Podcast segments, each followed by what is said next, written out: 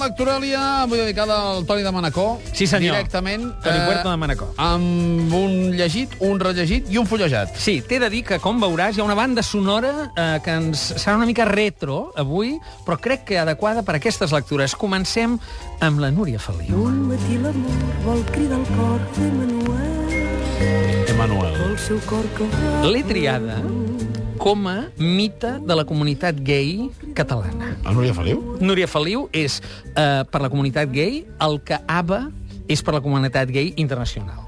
I això no m'ho estic inventant, eh? Sortint en exposicions. Ah, sí? T'asseguro que ja agafada Jo, és com a que ja mite. jo això d'Ava ja no ho sabia. Ja, ja no, no sabies que ABBA era un mite Marta pels gays? Sánchez i tot això, no, sí. no, però no, Ava, home, també? ABBA, mare de Déu, tota la... i tant, i tant, Val, val. sí, sí. En fi, Núria no, Feliu també, eh? Núria Feliu també, es, es, es constata, de debò. Molt bé, molt bé. I això és per il·lustrar eh, l'últim Premi Octubre, una novel·la, una novel·la, una novel·la breu, punyent, divertida, però alhora eh, dura, eh? Dependent, ben plantat per a hereu sobiranista, Mm. de Daniel O'Hara.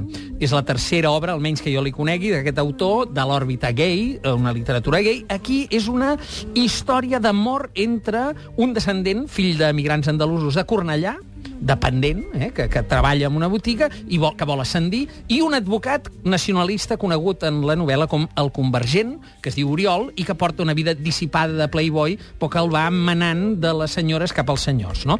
La prosa és molt eficaç, és molt desacomplexada, es veeix tota la hipocr- els tels d'hipocresia social, però no és un infant terriblisme. Busca Houellebecq, eh? busca, eh, diguem, aquest to Hem de comentar la poesia punyent. de, de Houellebecq un dia. L'hem de comentar, mm. sí, sí. No, no, i, i la poesia i en general tot, tota Sí, l'obra, sí, perquè sí, fans, és eh? punyent. Jo crec que el Daniel O'Hara va per aquesta via, eh, ho fa bé, eh, és interessant, dibuixa i desdibuixa la societat catalana actual, eh, surt el drolma, surten eh, territoris, diguem, eh, que podem associar a una determinada classe social, però és una novel·la molt despullada. Aquí és una mica l'únic però que jo li posaria és que té un punt d'esquemàtica. El narrador va tan al gra, i va a fons, eh? que hi ha vegades que sembla que, que, que estigui una Ens mica en el projecte. context. Una mica, una mica. Tens la sensació que les coses passen molt de pressa, la història d'amor és una pretty woman, jo només per situar-te, per autodefinició d'ella, la seva història, el narrador diu, en el relat de les seves aventures, el professor es presenta com un Henry Higgins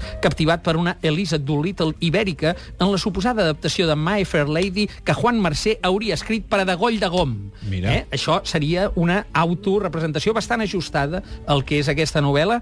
Jo crec que val la pena, és, és molt breu, punyent, val la pena, és el Premi Octubre d'enguany de, de, de València. Daniel O'Hara, un autor, diguem, que mm, pot incomodar des d'una perspectiva literàriament interessant. Mots clau? Uh, gay, aquest és l'univers, i després t'he posat lletres clau. SP, que vol dir sexe i poder, CD, que vol dir Cornellà i Drolma, PP, que vol dir Pijo Aparte i Pigmalió, en aquest cas, eh, Juan Mercè, Houellebecq, aquesta és el mot clau. Hoy me han dado Sona la notícia per Benet de Sant Pedro per il·lustrar notícies de tres ratlles de Fèlix Feneon. Sí, senyor, ja que està dedicada a un manacorí, aquesta secció avui, posem el Pedro San Pedro mallorquí.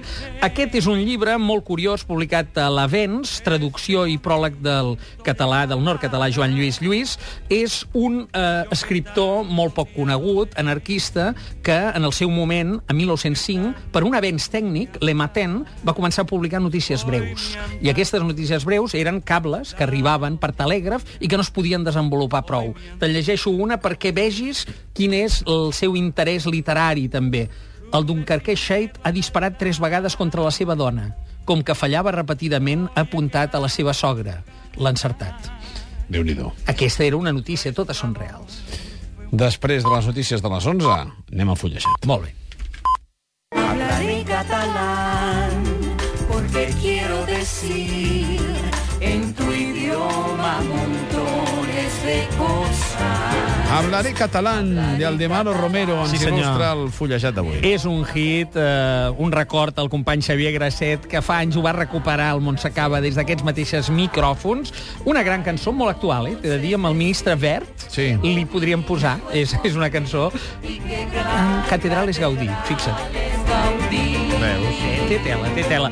Ens havíem quedat, eh, i te les vull donar encara, abans de parlar-te el fullejat, en els mots clau del rellegit, aquestes notícies de tres ratlles, fer un èmfasi especial en dir, escolta'm, un avenç tècnic, com el telègraf, va acabar generant un gènere periodístic. Aquí és molt, molt apretat, diguem, eh, tres ratlles, però el gènere de breus, hi ha gent que és lector de breus. Jo, sempre en un diari, de vegades, aquelles notícies que són punyents, no? Els mots claus eren breu, periodisme, crítica social, aforisme, microrelat i tuit, tant que se'n parla, tuits de fa 100 anys. I ara sí, parlem de la gramàtica catalana de la A a la Z. Sí, senyor, aquest és un llibre pràctic. Publicacions de l'Abadia de Montserrat publica, eh, per autor Marta Mas i Albert Vilagrassa, un llibre ordenat per ordre alfabètic on hi ha dubtes a l'H, trobes horaris, ja, etc. de manera que el senyor Aldemaro Romero i aquesta bonica veu que canta Blaré català, aquí podria tenir tots els dubtes esveïts. Màrius, fins la setmana entrant. A reveure. Pausa i Javier Gallego.